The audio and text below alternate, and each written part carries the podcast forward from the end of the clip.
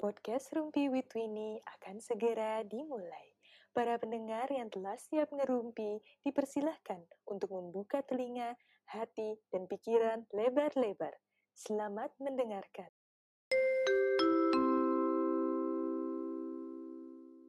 Halo, halo, halo. Halo. Bersama dengan Vioji di sini. Yuhu. Gimana nih para Twinnie kabarnya? Yuk, yuk update dulu, update dulu. Mulai dari Viosi kan kita kayak liburan nih ya sekarang. Nah, liburan ini pada ngapain sih? Coba di-update dulu sedikit aja. Dari Viosi deh, Viosi. Eh, sehat. Alhamdulillah ya bun. Lagi banyak binge watching aja sih. Waduh, waduh. Banyak drama Korea kan yang lagi bermunculan. Widih. Mungkin lagi kebanyakan itu sih. Kurang-kurang Iya. produktif sih sebenarnya. Hmm, Tapi I'm enjoying it. menikmati liburan ya. Betul. Kalau Mia gimana Mia? Mia?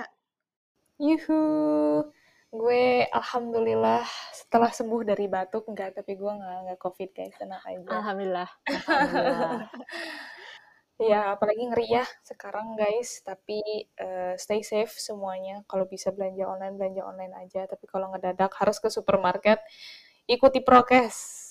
itu wajib bener-bener sekarang kayak kayak di Indo tuh lagi kayak parah banget kan kayak emang kita bener-bener mesti jaga banget ya sekarang-sekarang ini yes. oke kalau Mahari gimana nih Mahari Aku lagi di puncak, lagi banyak quality time sama mama aja karena mama lagi sakit, lagi lumayan ngedown. Jadi nemenin mama, terus ya santai-santai aja lah pokoknya nggak terlalu maksain diri untuk produktif karena kayaknya itu dipakai buat bulan-bulan ke depan aja ya bensinnya. Bener, Betul, bener, bener. betul. Enak kali ya. PPKM join Mahari gitu ya di puncak Ayo, dingin, sini. kayak liburan tiap hari. iya enak Eh, bukannya ditutup tuh, Ri? Kalau mau ke Ciawi ke atas, ih, gue baru aja lihat di Instagram Radar Bogor. Iya Radar ditutup, Bogor. ditutup. Makanya hari Jumat kemarin gue ngibrit ke sini karena ditutup malamnya jam 12 malam. Oh Hmm, alah. untung masih sempet ya. Oke oke Vioji gimana Vioji? Koro gimana Koro? waduh kalau gue gue kayaknya lagi abis radang kemarin tapi tenang guys nggak covid Alhamdulillah. tapi ya begitulah Eh, mungkin kayak selama apa pertengahan bulan kemarin udah nggak keluar keluar dari rumah gitu. Jadi kayak cuman aktivitas di rumah doang. Tapi ya quality time juga lah sama keluarga jadinya. Oke kita udah pada update kabar nih. Nah di episode 3 kali ini kita bakal ngebahas tentang love language. Wah kayak bakal seru nih ya. Mhm. Hmm, sebelum kita mulai mungkin kita bakal bahas dulu nih apa sih love language itu kayak pakai referensi aja ya daripada kita kayak nanya-nanya ulang-ulang gitu. Jadi eh, kalau misalnya dari referensi yang yang gue dapat gitu. Jadi love language ini tuh awal mulanya berasal dari buku terbitannya Gary Chapman. Hmm. Gary Chap apa sih bacanya? Gary Chapman nggak sih? Chapman. Chapman. Gary Chapman. Di tahun 992. Jangan pakai kayak aja di depan jadi kayak Kayak Chapman. Dia ngelawak. Ketawa guys. Rosnya. sebuah jokes. Oke, jadi si Bapak Gary Chapman ini menerbitkan buku tahun 92. Intinya tuh beliau menyatakan ada lima cara eh, untuk orang mengekspresikan dan mengalami eh, love gitu atau bahasa cinta dia bilangnya. Atau kalau kita generalisasiin ke hubungan secara umum, kita bisa bilang lima bahasa kasih gitu. Yang mana tiap-tiap orang tuh punya satu yang paling dominan dan yang satu lagi tuh yang secondary. Jadi sebenarnya lima itu jadi ranking, tapi eh, dua yang teratas yang sering kali di highlight gitu. Nah, sebenarnya ada websitenya nih buat cari tahu apa love language kita. Nanti mungkin bakal kita taruh di mana nih kakak-kakak tuh ini biasanya biar websitenya ditaruh aja kali ya biar para pendengar tuh bisa check Yes. up dirinya sendiri. Fivelovelanguages.com guys. Betul, nanti kita akan include di Mm-mm. caption. Ntar ditulis di mana nih kak? Di caption Siap, Instagram. siap. Taruh di caption ya. Eh, pertanyaan selanjutnya nih. Eh, oh ya, tapi kita perlu perlu jelasin nggak sih kayak lima five language-nya tuh apa-apa aja? Hmm, kayaknya lately sih belakangan ini orang-orang udah udah mulai familiar ya dengan si kelima five language ini ya. Mhm. Hmm, mungkin disebutin aja kali ya. Oke, boleh Mahari. Eh, yang pertama, ini aku sekalian sebutin punya aku aja ya urutan. Yang pertama tuh physical touch. Ya biasalah kalau disentuh-sentuh kan merasa tersayang Waduh. gitu ya. Habis itu ada juga quality time, menghabiskan waktu bersama. Nggak harus ada kegiatan yang gimana-gimana yang penting bareng-bareng aja gitu Betul. terus habis itu acts of services kayak ketika kita lagi butuh sesuatu eh tiba-tiba uh, dikirimin ke rumah atau tiba-tiba dibantuin ngerjain tugas gitu terus words of affirmation kamu cantik banget hari Itu ini banget aduh Aduh, makasih, langsung makasih. semangat banget gitu untuk Bener. menjalani minggunya Bener. Terus abis itu yang terakhir receiving gifts uh, alias kalau ngasih kado tuh kayaknya ngerasa oh nih orang kayak mikirin gue banget deh sampai ngasih gue kado. Itu sih guys palingan 5 love language yang Oke. bisa kita punya semua sebenarnya, cuman Mhm. yang dilihat mana yang paling dominan aja gitu. Betul. Mhm, Oke, benar kata Mahari. Kita bisa punya lima-limanya, tapi kita tiap orang tuh beda-beda punya dominannya yang mana gitu. Antara ya, dua teratas tuh biasanya jadi highlightnya. Nah, penting nggak sih kita tahu love language kita dan orang lain? Coba bagaimana menurut Mia? penting banget sih untuk kita tahu uh, love language diri kita sendiri, pasangan, ataupun mungkin keluarga, teman gitu ya. Supaya ketika kita mau memberikan sesuatu yang uh, mungkin dia senangi gitu ya, itu tuh tepat sasaran bisa dibilang ibaratnya. Uh, sama halnya kayak ibaratnya contoh sederhananya ya, kalau misalkan diibaratkan gitu. Ada orang misalkan dia lagi lapar gitu kan ya. Berarti kalau dia lagi lapar ya dia dikasihnya makanan bukan alat pel gitu kan. Nah sama juga sama juga dengan love language. Sama juga dengan love language gitu. Kita perlu tahu dulu gitu apa sih yang dia butuhkan dan apa yang mungkin membuat dia lebih bahagia gitu ketika kita memberikan si sesuatu ini. Nah ketika itu tepat sasaran pastinya hubungannya akan lebih enak gitu kan. Dia pun akan lebih mengapresiasi apa yang telah kita berikan gitu. Kalau dari contoh tadi nih kayak misalkan uh, dia orangnya uh, skor paling tinggi atau uh, aspek love language yang paling dominannya itu di words of affirmation gitu kan. Sedangkan uh, receiving gifts atau menerima hadiah itu dia misalkan paling rendah gitu.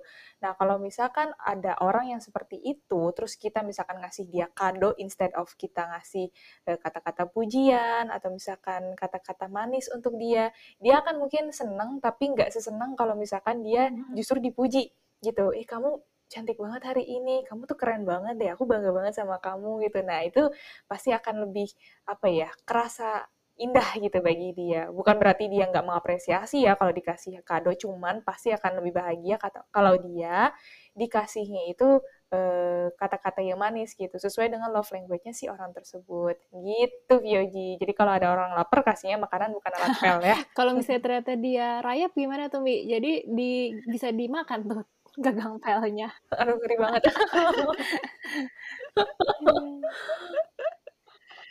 Jadi biar matching gitu ya. Kalau menurut Mari ada, ada apa nih bisa ditambahin dari ininya Mia? Intinya sih itu penting banget ya dan mungkin kalau gue mau nambahin sebenarnya ini sharing dikit sih kayak waktu gue sama Bang Jerry, alias pacar saya, itu kita PDKT, kayak ini yang gue jadiin prioritas banget untuk tahu dari awal gitu. Bahkan masih PDKT, gue kayak iseng-iseng, eh coba deh isi kuis ini gitu, untuk tahu gitu dia sebenarnya uh, apa gitu love language-nya. Dan ternyata menurut gue itu salah satu keputusan paling penting sih di dalam hubungan kita.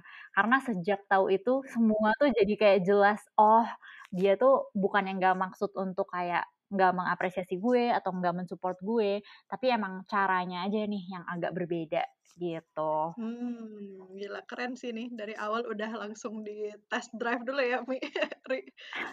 Harus assessment dulu, guys. Assessment dulu. Intinya sih kita harus assessment kalau kita mau tahu kalau intervensinya nih bakal efektif dan efisien atau enggak gitu ya, Bunda. udah, Betul, udah, betul. udah bahasa psikolog banget nih kayaknya. Intervensi cinta namanya. Intervensi cinta. Viosi, udah, udah inget belum apa yang mau ditambahin tadi? Penting supaya kita tepat sasaran dan gak salah paham aja sih. Karena kan kalau misalnya kita berbeda bahasa, takutnya kita jadi nggak ngerti dengan maksud yang ingin dia sampaikan sebenarnya. Sisanya mah udah Mahari dan Mia sudah membungkusnya dengan cantik. Hmm. Jadi intinya kayak kalau dalam garis kita tarik garis tengahnya mungkin itu akan berdampak ke cara kita berkomunikasi juga nggak sih?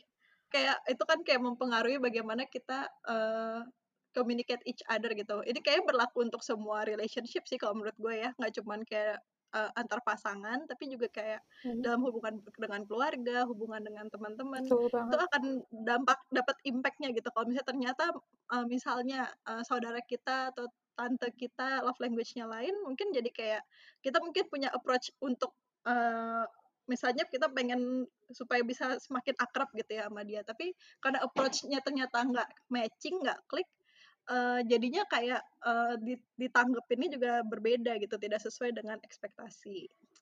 Oke. Terus juga jangan-jangan selama ini konflik konflik pun terjadi karena ya itu nggak klik gitu love language-nya. Kayak contoh-contohnya tadi udah dikasih sama teman-teman. Terus, oh ya, ada sedikit fun fact juga nih buat para pendengar. Salah satu hal yang binds us together nih, para ini, yakni kesamaan primary love language kita berempat gitu. Jadi kita berempat tuh primary love language-nya apa guys? Quality, Quality time. Time, cute time. Time, yeah. Benar-benar, benar. Jadi kita tuh kayak bisa klik banget sejak awal karena ternyata pas kita ngobrol-ngobrol lebih jauh lagi, oh ternyata lu semua kayak ini ya quality time juga ya, ya ampun kita sama-sama pada quality time gitu. Jadi kita semua tuh sama-sama seneng gitu kalau misalnya uh, spending time bareng bahkan nggak ngapa-ngapain tapi kayak hanya bersama dengan orang-orang yang kita sayangi itu kayak something banget gitu buat Iya, kita. betul, betul. Nah, kita udah bahas nih soal apa itu love language dan gunanya buat kita tahu itu apa. Sekarang mau tahu dong versi para tuh ini. Tadi kan kita udah bahas ya, primary kita semua tuh Pak yaitu quality time. Tapi para pendengar mungkin bisa dapat gambaran lebih luas kalau kita kasih contoh-contoh kasus kita kali ya. Jadi kayak uh, kan ada lima love language. Nah biasanya kalau kita ikut tesnya hasilnya bakal muncul dalam bentuk rank. Yang nomor satu itu primary love language-nya, nomor dua itu yang secondary, terus ke bawah ke bawah jadi makin the list gitu. Nah, mungkin uh, para twin itu bisa berbagi nih nomor 2, 3, 4-nya apa, terus contoh kasus ke relationship masing-masingnya apa. Contoh kasus dong, takut Studi banget kasus gue. nanti. kayak dapat gitu ya, ntar mesti kayak sharingnya ada kayak gimana gitu. Uh, mungkin start dari gue dulu, biar para tuh ini bisa take time buat mikirin kasusnya ya. Nah, kalau tadi yang pertama love language yang pertamanya kita kan sama ya, quality time gitu. Tadi udah dapet penjabarannya, kalau kita tuh kayak seneng banget punya quality time bareng. Nah, untuk gue sendiri love language yang nomor dua itu act of service. Gue seneng banget kalau pasangan atau temen gue itu ngebantuin uh, ngebantuin gue ngelakuin sesuatu yang buat meringankan tanggung jawab gue juga gitu. Kayak misalnya um, misalnya kayak nger bantuin ngerjain apa gitu apa kerjaan rumah gitu ngerapihin rumah. Kalau gue pikir-pikir mungkin karena kayak peran di rumah di sekolah dan kuliah tuh gue sering kali jadi yang proaktif gitu kan. Jadi ada kali gue kadang merasa capek dan knowing someone wants to take the efforts to help me itu bikin gue kayak ngerasa kayaknya nih orang baik banget gitu kayaknya uh, dia sayang deh sama gue. Dan karena uh, gue pun juga akan melakukan hal yang sama gitu ke dia jadi kayak ketika gue ketika gue menganggap orang itu penting gue akan melakukan effort gitu gue akan take effort dan action untuk ngebantuin orang itu Terus yang ketiga itu uh, tadi udah tentang act of service. Kalau gue tentang yang ketiga itu receiving gift. Nah ini juga kayaknya ada akarnya gitu. Mungkin karena kayak sejak kecil gue tuh kayak jarang banget dapat hadiah berupa barang karena keluarga gue tuh jarang ngerayain ulang tahun. Paling kalau ada yang ulang tahun cuman makan-makan di luar dan uh, that's all gitu. Jadi kalau ada yang kasih gue barang tuh uh, gue tuh kayak seneng banget dan bahkan up until now sekecil apa pun barangnya kalau bisa gue simpen pasti gue kayak uh, pokoknya gue simpen banget itu udah kayak udah kayak museum gitu apa hadiah-hadiah yang gue dapat dari orang nggak berarti berarti uh, teman-teman catat ya ulang tahunnya Vioji ya Vioji mungkin boleh tulis alamatnya jadi kalau misalnya nanti dia ulang tahun boleh nih dikirimin ke alamat tertera di bawah ya guys Mantap. Jadi kalau mau ada museum hadiah-hadiah kalian, bakal gue simpen banget sih biasanya. Terus abis itu uh, hadiah yang ah, udah gitu yang keempat itu itu kan yang tiga receiving gift. Nah yang keempat itu gue words of affirmation. Nah ini nih kan empat sama lima tuh sebenarnya jatuhnya yang the ya. Nah gue tuh paling nggak mempan sebenarnya kayak digombalin atau dipuji-puji. Kayak dari zaman SMA dan kuliah tuh gue tuh sering dikenal sama teman-teman gue tuh sebagai cewek yang susah buat dideketin. Salah satunya mungkin kayaknya karena approach cowok-cowok kan sering kali kan gitu ya, gombal-gombal gitu. Jadi kayak karena pendekatannya kayak nggak sesuai gitu, sedangkan gue kayak, alah itu pasti hanya gombal sih tidak percaya. Gitu. Terus kayak uh, mungkin juga karena gue lebih tipikal yang action speaks louder gitu loh daripada words sejak dulu gitu. Jadi akhirnya gue nggak terlalu termakan gitu sama omongan orang mau itu positif ataupun negatif gitu. Terus uh, yang terakhir physical touch. Nah, gue sebenarnya sangat risih. Ini sebenarnya kayak nggak banyak orang yang tahu sih. Jadi kayak gue tuh sebenarnya sang, sangat risih kalau melakukan skinship gitu. Jadi kayak bahkan ke keluarga sendiri, ke nyokap, ke bokap, ke adik, kakak. Ini tuh kayak uh, kayak gimana ya? Gue juga susah deskripsiinnya, tapi gue tuh kayak nggak nyaman gitu kalau misalnya apa nempel skin to skin whether itu tangan pundak gue dirangkul gitu. Dielus apa rambutnya kayak nggak suka gitu. Eh tapi lo menarik ya Vi. Lu jarang dapat hadiah terus akhirnya sekarang lo gede. Kalau dikasih hadiah suka banget. Nah kalau yang physical touch pas kecil lo jarang dapat itu dan akhirnya sekarang pun lo nggak sesuka itu gitu. Iya iya bener-bener. Kayak ada hal yang menarik di sini jadi kayak impact-nya tuh kayak beda-beda gitu kan. Ada yang kayak favorable buat gue, ada yang jadinya terbiasa banget untuk nggak dapet itu gitu. Impresif. terus kayak, terus ada yang lucu juga gitu soal ini. Bahkan kayak, masa kayak pokoknya semua hubungan dengan skin to skin lah bahkan sama bayi pun gue nggak bisa gitu kecuali uh, mungkin ya kalau gue mikir-mikir sekarang nanti sama anak lo gimana tuh Vi? tapi perlu ada pengecualian gitu. Kecuali kalau gue udah deep banget connected sama dia gitu. Contoh sama suami gitu. Oh, iya. until now gue juga cuman gak risih sama dia doang. Sebenarnya ada yang lucu sih soal ini gitu. Jadi kayak pas dari zaman pacaran tuh uh, gue awalnya belum tahu. Kayak Mahari gitu lah pertengahan jalan. Kalau Mahari kan di awal gue pertengahan baru tahu. Jadi tuh dia physical touch-nya tuh nomor dua. Jadi termasuk yang secondary yang hampir teratas lah ya. Kebayangkan kayak manja manja, seneng dipeluk gitu. Tapi dia justru uh, receiving giftnya terakhir gitu. Dia nomor lima gitu. Dia kayak ketuker sama gue pas awal-awal pacaran tuh sebelum gue tahu love language-nya dia, gue tuh sering kasih dia hadiah barang. Terus kayak barang-barang itu yang gue bikin sendiri kayak gitu gitulah gitu kan. Tapi dia tuh kayak pas terima kayak biasa aja gitu loh.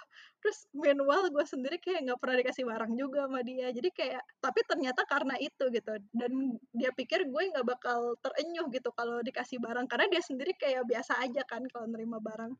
Di sisi lain dia seneng digandeng dipeluk dan guanya yang biasa aja. Tapi along the way ya the more we know about our love language kita jadi sama-sama belajar buat kayak nyenengin satu sama lain. Gue juga jadi nggak baper gitu kalau nggak dikasih hadiah sama dia gue pasti bakal B aja. Karena emang gue udah tahu gitu latar belakang dia tuh beda sama gue Nah, I think that's all about me. Nah, gimana para tuh ini? Udah comes up with ideas apa nih? Gue nggak nunjuk deh kali ini siapa yang udah ready Mia duluan. Oke, okay, Mia. gimana Mi? Gimana Mi? Hey, uh, eh, kalau gue uh, justru physical, physical touch gue sebenarnya nomor tiga ya setelah quality time. Yang kedua itu adalah gue words of affirmation. Jadi um, apa namanya gue tuh seneng banget kalau misalkan dipuji karena di situ bukan karena gue jadi kayak ah ya I'm the best gitu. Bukan yang kayak gitu sih tapi lebih ke kayak oh ya gue berhasil. Oh ya gue bisa mencapai ini semua gitu. Seakan tuh kayak gitu gitu. Karena um, kayaknya emang kalau gue sih kalau uh, dari pengalaman mungkin terbiasa pada saat masih kecil itu uh, sering kali dipuji sama keluarga gitu. Jadi kan gue tuh cucu cewek pertama from both side baik dari bokap maupun dari nyokap gitu kan mm-hmm. jadi uh, pada saat gue kecil itu sering banget kayak oh ya si cantik si ini si ini gitu jadi karena gue terbiasa dengan adanya pujian tersebut dan ketika itu nggak ada gue ngerasa kayak emang gue nggak berhasil ya gue nggak nggak cukup baik ya kayak gitu-gitu loh. Dan juga mungkin karena pengalaman-pengalaman dari kecil juga kali ya jadi gue sering ngerasa takut gagal dan ketika orang memuji atas keberhasilan gue jadi tervalidasi gitu kayak oh iya ya ternyata gue berhasil melakukan ini gitu. Karena kadang kayak apa ya karena kadang kayak misalkan bagi orang lain gue tuh udah berhasil mencapai titik tertentu tapi karena e, mungkin itu nggak terucapkan secara langsung ke gue karena gue nggak dengerin gitu kan. Jadinya gue ngerasa kayak gue belum achieve itu gitu. Padahal e, objectively mungkin udah gitu. Jadi love language uh, apa ya menarik banget karena nggak cuman terkait dengan pasangan ya yang tadi uh, Fuji bilang, tapi juga terkait uh, hubungan kita dengan orang lain gitu dan gimana kaitannya dengan diri kita sendiri gitu sih. Kalau yang ketiga itu kan physical touch, iya. Jadi kayak uh, gue terbiasa gitu dari sentuhan nyokap gue. Jadi gue juga biasa kalau gue gandengan tangan sama bokap gue atau sama kakak gue yang cowok misalkan pas lagi jalan ke mana waktu gue dulu kecil gitu. Dan gue pun nggak ada masalah gitu dengan pak su dengan pak suami gitu. Untungnya pas suami juga uh, physical touch-nya juga cukup tinggi nih skornya jadi masih uh, relate lah gitu masih relevan masih sefrekuensi gitu gue dan dia. Kayaknya kalau ketemu nih PDA nih ya pasangannya nih ya suka menunjukkan PDA tapi ya? public display of affection jadi kayak menunjukkan di publik gitu loh afeksi fisiknya. Oh. aduh enggak enggak segitunya kok. Pegangan tangan aja paling and then ya udah enggak enggak segitunya guys. Tenang aja. Justru gue kalau tadi uh, Fuji ada acts of service-nya yang tinggi ya kalau gue justru acts, act of service itu rendah dan paling rendah sebenarnya receiving gifts sih. Karena ketika gue receiving gifts gue kayak ya gue akan berterima kasih ya, kayak contoh yang tadi gue share di awal ya gue akan berterima kasih tapi kayak uh, ya udah aja gitu nggak akan sengena kalau gue dipuji kayak ih mi lo hebat banget gue bangga banget deh mi sama lo. Kayak itu tuh lebih ngena di hati gue hmm. gitu ketika gue ngedengerin itu daripada tiba-tiba ada paket gitu kan terus kayak uh, ada orang yang ngasih. Walaupun gue seneng sebenarnya karena gue ngerasa diperhatiin gitu kan. Gitu sih guys. Oke okay, Mahari gimana Mahari kalau gue tuh sebenarnya mungkin agak lebih mirip sama Mia sih dan cukup bertolak belakang sama Vioji kayaknya deh. Pokoknya gue tuh murah banget gitu loh uh, love language-nya gitu. Quality time sama physical touch nggak butuh uang gitu loh. Dan yang terakhir sama kayak Mia receiving gifts. Menurut gue sih lagi-lagi ini emang balik ke childhood ya kayak karena orang tua gue dari kecil tuh menunjukkan kasih sayang mereka melalui uh, meluk gue setiap hari terus habis itu quality time, nanyain kayak apa kabar hari ini, terus habis hari ini ngapain aja gitu-gitu. Itu tuh menjadi highlight dari gue merasa disayang gitu loh hmm. ketika gue lagi spend time with uh, orang yang gue sayang dan mereka meluk gue atau nyentuh gue gitu. Sumpah mungkin kalau kalian ada yang ngeliat keluarga gue kalian bisa kayak ini kenapa sih keluarganya kayak touchy feely banget gitu karena emang bisa pelukan tuh puluhan kali sehari kayak tiap ketemu uh, atau abis makan, abis apa pokoknya uh, suka banget untuk nunjukin physical touch gitu. Sedangkan uh, kalau tentang receiving gifts yang paling bawah gue tuh gue tuh uh, di keluarga gue tuh ngerayain uh, ulang tahun, ngerayain lebaran dan ngerayain Natal kan. Mm -hmm. Jadi kita tuh selalu kayak ada occasion gitu loh untuk dikasih hadiah. Dan gak tahu kenapa ya setiap dikasih hadiah tuh ya ya udah aja gitu. Ketika ketika apa namanya bahkan kayak mungkin sekitar lima tahun terakhir setiap kali gue mau ulang tahun gue ditanyakan kayak mau apa? Gue tuh kayak nggak pernah punya jawaban gitu kayak apa ya? gitu. Nggak tahu mau apa kayak nggak ada aja gitu. Dan ketika orang ngasih hadiah gue pasti senang banget. Cuman gue akan jauh lebih senang ketika dia kayak eh Mahari lo kan habis ulang tahun gitu. Catch up yuk gitu. Uh, ketemuan yuk gitu. Ngobrol yuk gitu. Terus pas ketemu kayak pelukan gitu. Terus kayak ngerasa ih nih orang sayang banget kayaknya sama gue sampai dia ngelongin waktu dan tenaga dia gitu buat ada untuk gue itu sih dan uh, di hubungan gue itu kebawa banget sama jenis date yang kita punya cara kita ngerayain ulang tahun gitu-gitu. Uh, dari Bang Jerry yang kayak orangnya tuh act of service banget dan kayak lebih cenderung suka ngasih gift sedangkan gue yang kayak quality time gitu loh. Jadi kayak awalnya tuh agak kayak aku nggak harus kok dikasih kayak gini-gini gitu. Dan dianya kayak kok nggak seneng sih dikasih uh, hadiah yang dan perayaan yang bombastis gitu. Tapi lama kelamaan kita sadar kalau oh emang Mahari senangnya kayak gini, dia senangnya kayak gini, sama-sama belajar menyesuaikan dan gue bisa bilang kalau dua tahun ini gue belajar banget sih untuk lebih menjadi orang yang um, bisa apa ya ngasih gifts yang thoughtful gitu loh. Sebelum ini gue tuh bingung banget ngasih kado orang tuh caranya gimana sih kayak yang dia suka apa sih gitu. Tapi gara-gara gue tahu itu meaningful buat dia, gue belajar untuk uh, cara ngasih kado yang baik tuh kayak gimana. Gitu sih, Vi. Wow, keren banget, Ri. Tapi ntar lu jangan baper ya kalau pas ketemu gue gak gue rangkul gak apa-apa ya. Pokoknya gue bakal sentuh-sentuh lo terus. Kasihan banget ya. Oh, oh sama ini. Sama ini gue mau nambahin gue mau nambahin. Uh, waktu awal tes sebenarnya gue nggak tahu nih ini bener-bener valid atau enggak love language-nya bang Jerry. Karena di otak dia pertanyaan-pertanyaan yang terkait dengan physical touch dia pikir tuh kayak ini ntar kalau gue jawabnya ini gue dikira mesum kali ya. Gitu loh. Jadi kayak oh, ya menghindari iya. untuk menjawab itu. Oh, padahal uh, uh, padahal lagi-lagi ya yang namanya physical touch tuh hal yang manusiawi banget gak sih? Dan bukan berarti mesum gitu loh. Physical touch tuh bisa cuman kayak sebelahan uh, shoulder ketemu shoulder gitu. Yang Fioji pasti udah kayak uh jangan deket-deket sama gue gitu. Atau kayak pegangan tangan gitu. Betul. Karena konteksnya luas banget ya. Iya, iya, bukan bukan berarti kayak harus intimate banget gitu loh, tapi yang penting tuh deket dan kayak bersentuhan aja hmm. gitu. Mesti dites-retes tuh, Rik, kayaknya. iya ya, ntar deh habis ini gue tes lagi itu orang. Oke, sekarang Geran Viosi nih. Apa nih, gimana-gimana? Amazingly, gue tuh bener-bener sama banget loh sama Hari. Dengan tadi ya penjabarannya ya. Yang pertama, tadi kan quality time, yang kedua uh, physical touch, dan yang terakhir itu adalah receiving gift. Gitu.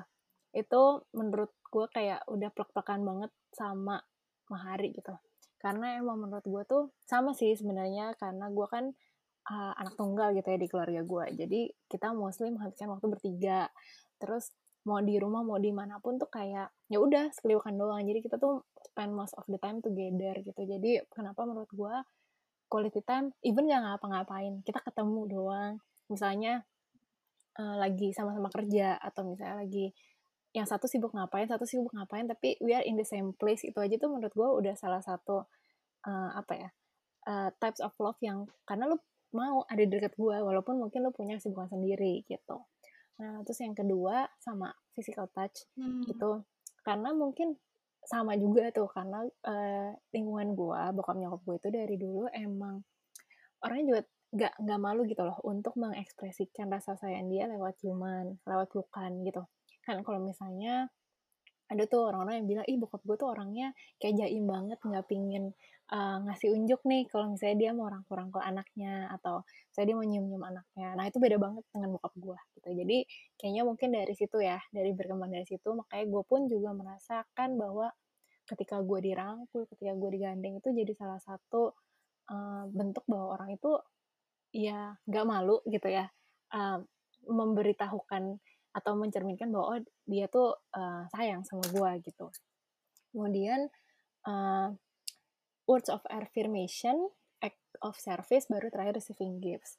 Nah mungkin um, kalau misalnya temen-temen ya, mungkin tuh ini udah udah tahu nih kalau misalnya gue tuh agak-agak risih kalau misalnya gue tuh dikasih words of affirmation gitu kayak um, kayak dipuji kayak misalnya gue korbannya kayak apa ya menurut gue tuh kayak aneh gitu loh selalu muji Viosi dan malah dihujat balik.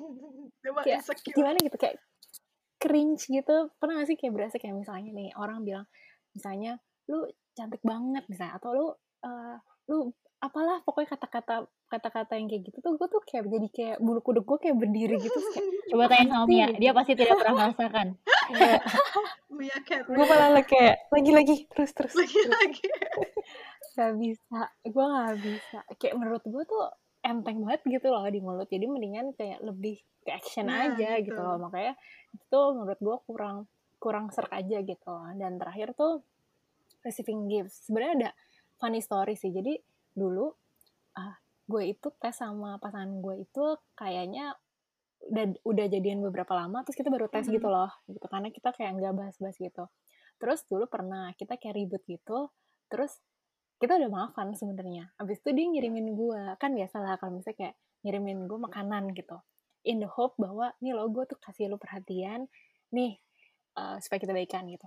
Terus yang gue dapet adalah gue jadi merasa kayak nih orang kayaknya nyuap gue deh. Ngerti aja lo? Kayak lo mau gue maafin lo kan? Makanya lo kirimin gue gitu. Laporin Vi ke KPK Vi. Jadi kayak salah sasaran banget gitu terus ketika kita telah lagi gitu ya ternyata memang kita beda beda apa ya beda uh, pengertiannya aja. Padahal menurut dia dia ngasih itu sebagai bentuk perhatian tapi buat gue tuh kayak malah jadi ya ya udah kita selesain aja uh, ngobrol tapi abis itu lu nggak perlu ngasih gue apa-apa buat membuktikan bahwa kita udah baikan sebenarnya kayak gitu. Nah senangnya adalah pasangan gue juga sama love language-nya sama-sama. Yang pertama tuh dia physical touch yang kedua itu quality time walaupun beda dikit sih, cuman yang satu dua dua satu gitu. Tapi ini cukup berasa ketika saat kayak gini nih, pas kayak lagi sekarang lagi ppkm, kemarin itu lockdown gitu ya. Kan kita jadi nggak bisa spend time waktu banyak bareng hmm. ketemu gitu nggak bisa. Physical touch-nya udah pasti hilang. Quality time-nya pun hmm. juga. Nah uniknya tuh adalah pasangan gue itu bukan orang yang suka banget kayak call video call tuh nggak suka jadi menurut dia tuh kayak ketika lu nggak bisa ketemu orangnya hmm. terus lu cannot apa ya, touch her gitu kayak misalnya lu rangkul dia atau apa tuh akan jadi lebih menambah kangen gitu loh. Nah sedangkan menurut gua ya quality time itu kan bisa lu dapetkan kalau misalnya nggak ketemu berarti lewat video call lewat call gitu kan. Even ketika chat pun sebenarnya juga ketika lu punya waktu untuk balas chat gue berarti lu meluang waktu untuk gue bener gak gitu.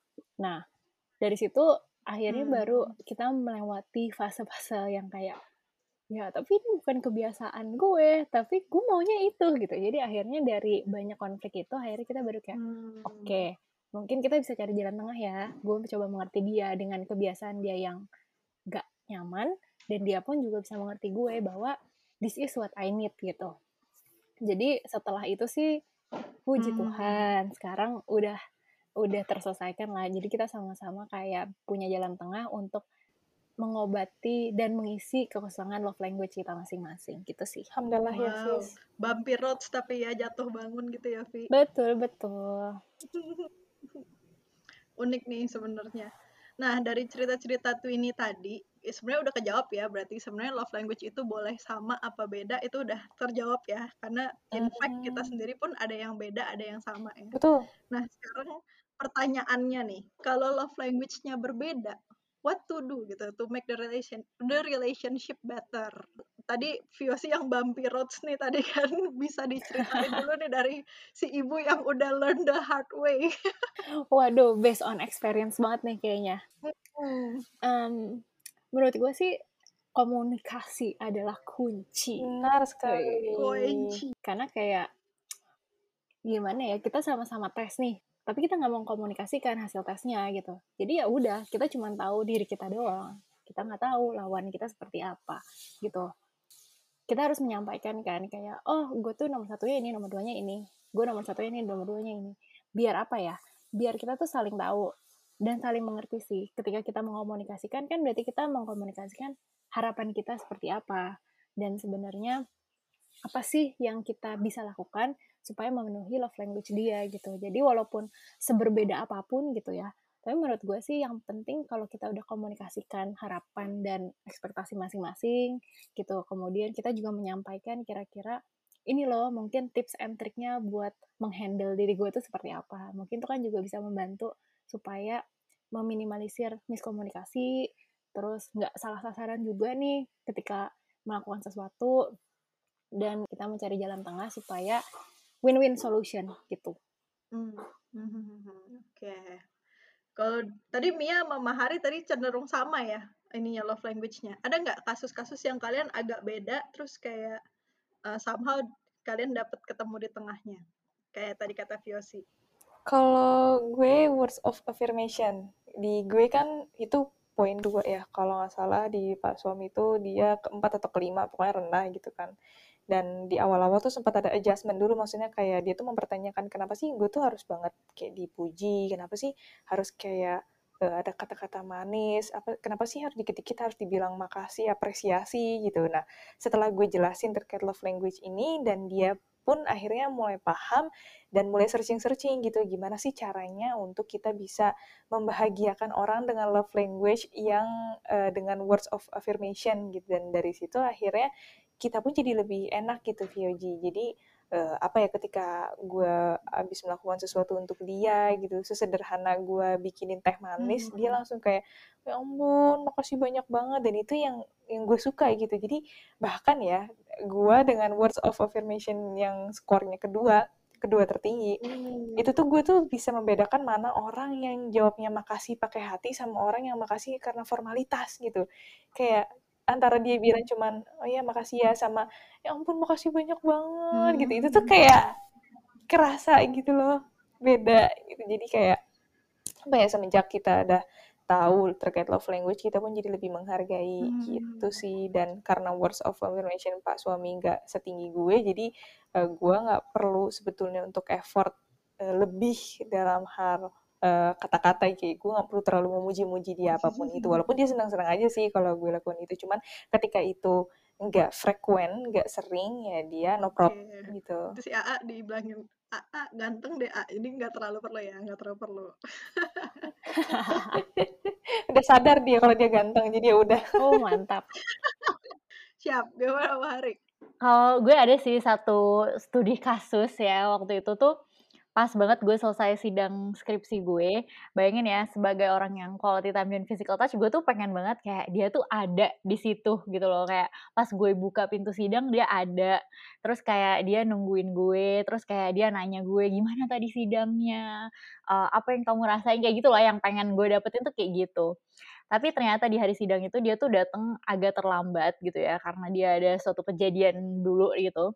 Terus habis itu dia ngasih gue bunga gede, heboh gitu ya. Terus ngasih ucapan, ucapannya tuh sangat-sangat words of affirmation gitu. Bukan cuma ucapan tapi kayak di caption, diomongin, pokoknya bener-bener yang kayak uh, yang kayak Mia banget gitu loh tadi bilang kayak yang kayak oh, kamu hebat banget, uh, kamu keren banget apa kayak uh, aku tahu semua perjuangan kamu bla bla bla yang kayak gitu-gitu. Terus Uh, tapi at the end of the day, uh, nggak lama abis gue sidang itu kita kayak pergi makan atau apa, terus habis itu udah dia harus langsung cepet-cepet balik karena ada kerjaan. Dan di situ gue malah ngerasa kayak, kok dia udah ngelakuin itu semua, tapi kok gue kayak ngerasa nggak puas gitu ya, kayak kayak kecewa gitu. Dan setelah gue tanya-tanya lagi sama diri gue, ternyata ya itu yang gue ekspektasiin tuh kita punya waktu bareng-bareng buat ngobrolin saya sidang gue gimana. Sedangkan di otak dia tuh kayak yang penting adalah dikasih tahu kalau dia hebat, yang penting adalah dikasih hadiah gitu supaya dia tahu kalau uh, dia habis melakukan hal yang benar-benar keren kayak gitu. Sedangkan gue kayak gue nggak butuh itu gitu. Gue cuma butuh waktu loh gitu. Dan gue butuh presence lo gitu loh gitu. Dan dia nggak ngeh kalau ternyata ketika gue buka pintu terus nggak ada dia di situ itu tuh bisa segitunya loh gitu buat gue. Dan ketika dia harus cepet-cepet balik gitu itu juga bikin gue kayak oh nggak ada waktu ya buat gue gitu. Jadi di situlah uh, kita sama-sama belajar gitu. Kita omongin waktu itu lumayan lama deh kayak dua jam gitu. Ada ngomongin ini kayak aku tuh pengennya kayak gini gini gini gini gitu. Sedangkan kalau dia kayak gimana nanggepinnya dan lain sebagai halnya pastinya ngomonginnya nggak dalam keadaan langsung tenang dua-duanya ya gitu. Awalnya kan menggebu-gebu dulu gitu. Tapi dari situ jadi lebih sadar sih sama kebutuhan masing-masing dan akhirnya ketika gue wisuda uh, itu dia datang dan bener-bener ngeluangin waktunya seharian mulai dari nemenin gue berangkat sampai gue pulang lagi makan malam sampai gue tidur baru dia uh, pulang gitu jadi kayak gue bener-bener ngerasa di hari wisuda itu kayak 100% merasa disayang gitu loh. Dan bukan karena kadonya, bukan karena ucapannya, tapi karena waktu yang dia luangin buat gue. Itu sih paling uh, salah satu contohnya. ya ini para twinning Q time can, can relate. can relate, can relate. Karena memang apa ya, mungkin buat para penganut quality time tuh uh, waktu itu adalah sesuatu yang lebih mahal gitu daripada perkataan, daripada effort, yes. daripada benda yang bisa kita dapat gitu. Karena nggak bisa diganti gitu waktu hmm, itu. Kalau dari gue sendiri sih sebenarnya uh, gue sih kayak understanding that diversity is normal gitu. Kayak berbeda itu wajar kalau ada yang sama ya puji Tuhan kalau nggak ada yang sama yuk kita saling cari cara gitu gue dan suami sendiri kayak kami tuh sejak awal emang bukan tipe yang berharap orang lain berubah gitu kalau misalnya dia A, gue nggak merasa harus merubah dia jadi B gitu. Setuju. Kecuali hal itu emang melanggar value gue dan kayak dirasa bakal jadi bom waktu nih di masa depan. Gue pasti bakal ngajak ngomong tapi dalam keadaan kepala dingin gitu. Dan dia pun nggak pernah nuntut juga sih gue buat ngelakuin sesuatu buat menuhin love language-nya dia gitu. Kalau memang dirasa kayak gue jarang meluk dia, palingan dia yang approach duluan gitu. Jadi kayak no hard feelings gitu. Kadang kita pun kayak saling terbuka juga sama hal-hal yang jadi akar kenapa kita A, B, C gitu. Jadi lebih gampang untuk saling ngertiin satu sama lain. Terus kita juga sejak awal aware gitu bahwa in order to be langgeng, gue nggak harus jadi dia dan dia pun nggak harus jadi gue. We can have our own ways and expressions and that's okay gitu. Fokus aja sama visi bersama and make it priority gitu. Jadi kayak prinsip keren banget itu. Bineka Tunggal Ika ya, Bunda. Merdeka. setuju, setuju, setuju banget. Tap. Kayak gini sih kayak prinsipnya we can rush something that we want to last forever kan. Kayak kalau kita pengen itu Mhm. bener-bener awet banget kita tuh nggak bisa buru-buru lu langsung zeret gitu zeret gitu. Nggak bisa kayak semudah itu perubahannya. Kalau mau awet ya mungkin dikondisikan sejak sekarang. Mungkin kayak VOC gitu ya bumpy roads dulu jatuh bangun jatuh bangun konflik-konflik tapi at the end gitu jadi saling ngerti gitu maunya gimana. Wah seru banget nih rumpi kita kali ini sebelum kita tutup boleh nih mungkin kayak berbagi tips. Kita mungkin sebutnya twin tips aja apa ya Lucu-lucu twin tips. Gemes. Eh, apa aja nih twin tips dalam menengahi perbedaan love language ataupun kayak konflik-konflik yang berkaitan sama love language Gue boleh, gue boleh. boleh ya Mahari Mungkin menurut gue eh, terkait dengan love language ini, kita tuh harus sadar sih kalau love language kebanyakan itu kan berawal dari kebiasaan kita sejak kecil gitu. Jadi emang penting banget Hmm. buat kita tuh meluangkan waktu dan tenaga kita untuk ngedengerin pasangan kita sih masa kecil dia tuh kayak gimana, kebiasaan dia tuh kayak gimana gitu. Bukan cuma dari hasil tesnya gitu, tapi untuk paham kenapa dia bisa punya Hmm. hasil tes itu gitu. Sehingga ketika ada konflik, ketika kita ngerasa kok dia uh, berperilaku kayak gitu, kita tuh sebelum menghujat, sebelum berantem gitu, kita bisa take a step back untuk understanding sih gitu kayak kenapa ya kira-kira dia kayak gitu ya coba berempati gitu sama dia. Karena kalau kita udah ngelakuin itu rasanya konflik sebesar apa pun tuh bakal jauh lebih mudah untuk diatasi sih dibandingkan kita langsung kayak lo nggak sayang ya sama gue ya? Makanya lo nggak ngelakuin yang sesuai sama gue gitu. Jadi itu sih paling kalau misalnya dari saya oke bagus banget nih. Nah VOC apa nih VOC Hmm, mungkin kalau dari gue itu gue pengen bilang bahwa kan love language ada lima ya. Dari kelima itu uh, harus kita tahu ya kita tahu dulu nih bahwa nggak ada yang buruk dan nggak ada yang bagus gitu. Karena ya mereka semua lima limanya setara gitu. Bukan berarti orang yang um, misalnya love language quality time itu lebih bagus dibanding orang yang receiving gift gitu. Jadi maksudnya kita nggak bisa melihat bahwa itu adalah sesuatu yang bisa kita nilai bahwa itu baik atau buruk gitu. Karena semuanya sama. Dan menambahkan dari apa yang tadi Mahari bilang uh, setelah kita coba untuk understanding gitu kita juga harus coba untuk berani sih memberikan waktu ya. Tadi kata Vioji kan waktu untuk uh, kita sama-sama mengerti sama-sama coba untuk uh, kalau mau berubah ya silakan berubah. Tapi kalau misalnya pengen cari jalan tengah ya silakan cari jalan tengah gitu. Tapi kalau dari gue tuh emang paling penting banget tuh kita selalu mengomunikasikan apa pun sih gitu Hmm, dari hmm, hal-hal hmm. kecil terkait dengan mungkin kalau misalnya orang bilang words of affirmation aja itu kan banyak ya luas banget tuh mau bentuk pujiannya mau seperti apa seberapa sering dipuji itu kan itu pun juga menjadi hal-hal yang sebenarnya kita bisa komunikasikan karena Hmm. takutnya pengertian kita dengan pengertian mereka yang sama-sama word of affirmation atau sama-sama quality time itu bisa aja berbeda gitu jadi memang communication is the key to everything gila, gila. Super sekali. kunci Jangan lupa pakai itu. itu Gue sampai ke- kehabisan kata-kata nih, Vyuji. Jangan tanya gue apa ya. Udah udah terwakilkan ya semua oleh teman-teman hebat kita ini. Siap, siap, siap. Kalau di persingkatnya mungkin ada tiga poin kali ya. Satu, knowing the roots gitu. Kayak kata Mahari tadi, kita jadi kayak tahu akarnya apa gitu. Terus yang kedua, seperti kata Viosi tadi, communicate gitu. Kalau dari gue sendiri sih mungkin tambahan di poin ketiganya gitu. Yaitu kita, apa, ini tuh effort yang kalau ngomongin relationship itu kan whether itu sama pasangan ataupun sama orang lain kan biasanya dua itu ya antara kita atau orang lain. Nah itu both harus take effort gitu nggak bisa satu orang doang. Kalau misalnya dalam relasi dalam keluarga gitu misalnya gue sama saudara nggak mungkin cuman gue doang yang berupaya untuk fulfill love language dia di sisi lain dianya kayak nggak peduli gitu untuk melakukan hal yang sebaliknya. Nah kita tuh nggak bisa kayak gitu cara kerjanya. Kalau mau emang bener-bener sampai ujungnya bagus ya, dua-duanya harus mau melangkah, harus mau nyoba gitu untuk um, berupaya begitu guys. Jadi nggak ada rumusnya sebenarnya nih.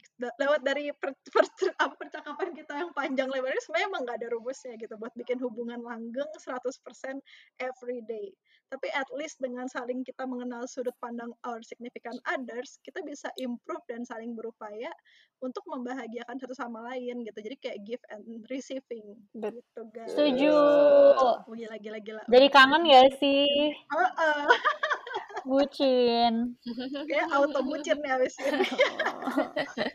Oke guys, kira-kira ada yang mau ditambahin lagi nggak nih kakak-kakak sekalian? Tidak ada. Ayo sekarang habis dengerin ini langsung ambil tes fivelovelanguages.com. Kalau perlu minta juga ke pasangan kalian Hmm, untuk Ya. isi. Banget, Keluarga, teman-teman isi juga.